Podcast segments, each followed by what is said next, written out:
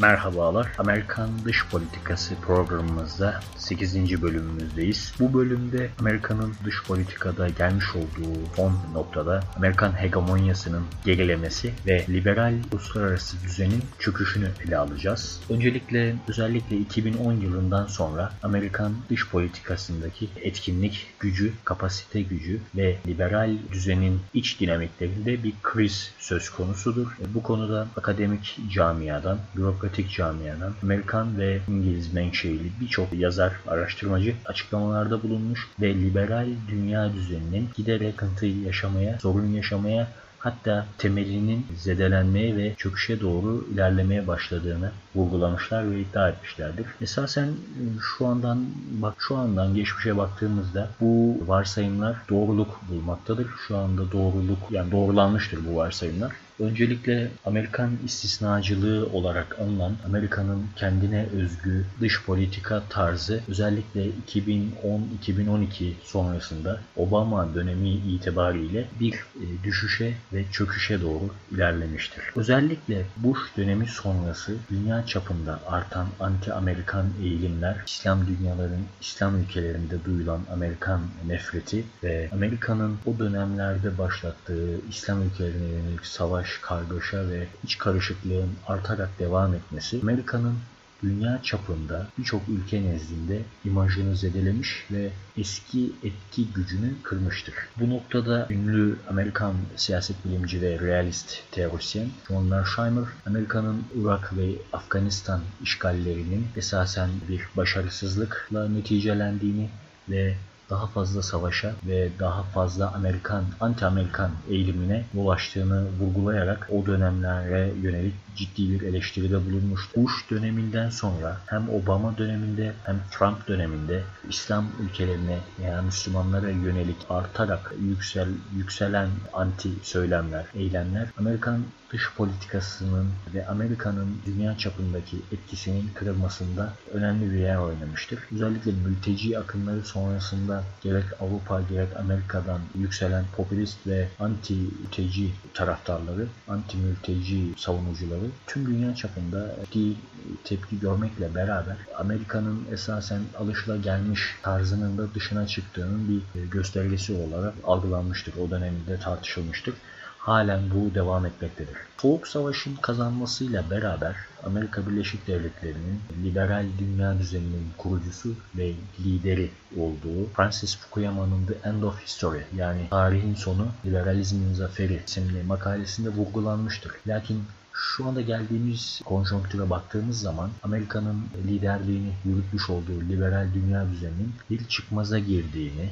ve ciddi tehditlerle, ciddi sorunlarla baş başa karşı karşıya olduğunu gözlemlemekteyiz. Öncelikle bu sorunların en başında tüm dünya çapında artan otoriterleşme ve güvenlik kaygıları ön planda yer almak. Özellikle birçok akademisyenin yine vurguladığı gibi sistemde var olan otoriter devletler, Rusya ve Çin gibi birçok diğer küçük çaptaki ülkelere otoriterleşme eğilimi pompalamakta ve bu durumda mevcut liberal düzeni sarsıcı bir tehdit oluşturmaktadır. Bu sebeple Francis Fukuyama'da e, yazmış olduğu The End of History adlı makale haricinde geçtiğimiz senelerde ve 2021-2022 yılı içerisinde de liberalizmin sonunun geldiğini, daha doğrusu liberal dünya düzeninin sonunun gelebileceğine dair yeni bir argüman ve yeni bir e, yayın paylaşmıştım. Hakeza artık her olayda Rusya'nın aktif olması, Çin'in aktif olmasıyla ilgili Kuyama'nın yazıları mevcut. Yine e, liberal dünya düzeninin bozulmasındaki önemli etkenlerden birisi de aslında Batı bloğunda yer alan birbirinden ayrışma ve güvenlik ikileminin, güvenlik tehdidinin artması. Esasen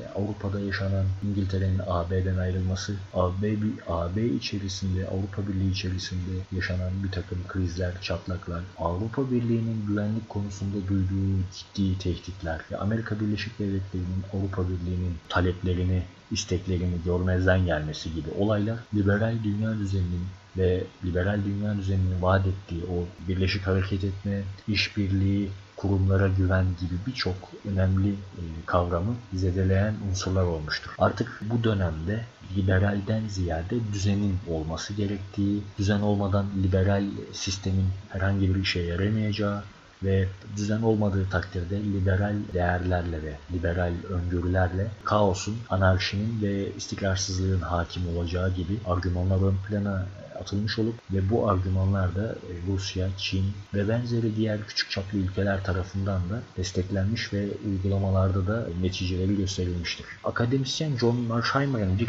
varsayımına değerlendirmesine göre liberal dünya düzeninin artık tek kutuplu dünyada olabileceği ancak dünya düzeninin uluslararası e, sistemin tek kutuplu düzenden çıktığı ve çok kutuplu düzene geçtiği, bu sebeple de liberal dünya düzeninin tesis edilme imkanının çok zora girdiği, tekrar tesis edilme imkanının çok zora girdiği, artık çok kutuplu sistemde realist bir düzenin hakim olacağı ve bu realist düzende bir ucunda Çin'in, bir ucunda da Amerika Birleşik Devletleri'nin egemen olacağı sınırlı bir sistemin işleyişine işaret etmektedir. Hakeza böyle değerlendirmeler, buna benzer ifadeler John Eikenberry, John Mersheimer ve benzeri birçok akademisyen tarafından dile getirilmek. Thomas White'ın değerlendirmesine göre ise tıpkı geçmişte yaşandığı gibi büyük güç rekabetinin kaçınılmaz olduğu ve liberal düzenin çatlamasıyla beraber sistemde var olan Çin, Rusya gibi büyük devletlerin hatta bölgesel bir takım güçlerin ön plana çıkarak büyük güç rekabetini yeniden ateşleyebileceği e, hususları vurgulanmaktadır. Peki bu liberal düzen nedir? Biraz onu açıklayalım.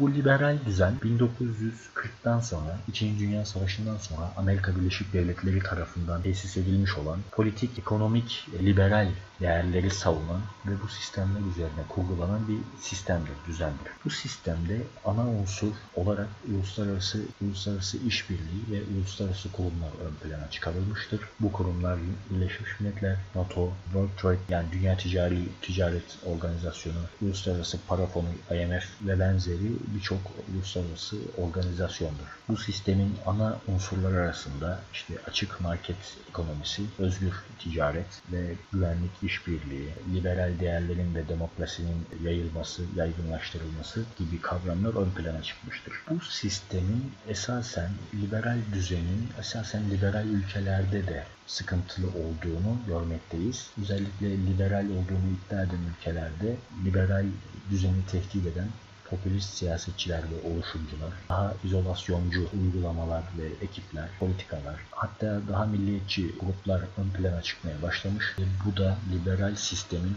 esasen temellerini e, sarsan önemli bir gelişme olmuştur. Şu an herkese gerek Avrupa'da Fransa başta olmak üzere Fransa, Macaristan, İngiltere'de zaman zaman bu tarz gruplar ve e, hareketler ön plana çıkmıştır.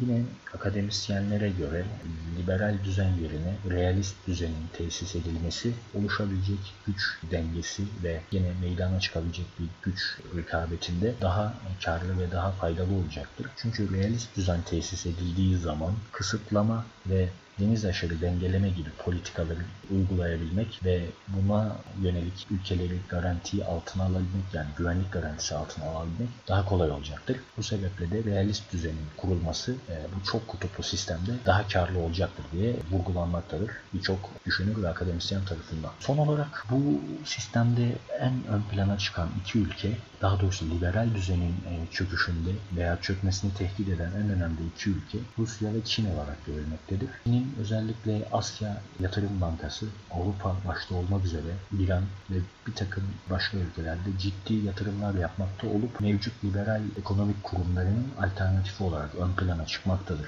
Bu da ciddi bir tehdit unsuru oluşturmaktadır. Rusya hususunda ise e, Rusya zaten Sovyetler Birliği'nden sonra liberal dünya düzenine baltalama girişimlerinde bulunmaktadır. Özellikle 2008'deki Güney Ossetya ve Abazya olayları, 2014'te Kırım'ın ilhakı gibi olaylarla Rusya esasen bu sistem içerisinde kendisinin başat bir aktör olarak tekrar ön plana çıkacağını ve sistemi tekrar formüle etmek istediğini birçok defa vurgulamıştır. Esasen Rusya'nın bu sistemi baltalama girişimleri arasında Fransa başta olmak üzere Avrupa'da bulunan ve popülizmin aşırı sağcılığın yükselmiş olduğu bazı ülkelerde bulunan gruplarla iletişim halinde olduğu ve bu grupları mali açıdan desteklediği gibi birçok iddia da ön plana çıkmıştır, atılmıştır ve bu iddiaların doğruluk payı da yüksektir. Netice itibariyle 2014 ve 2017 yıllarında Marine Le Pen Ulusal Cephe Partisi lideri aşırı sağcı Fransız e, siyasetçi Vladimir Putin başta olmak üzere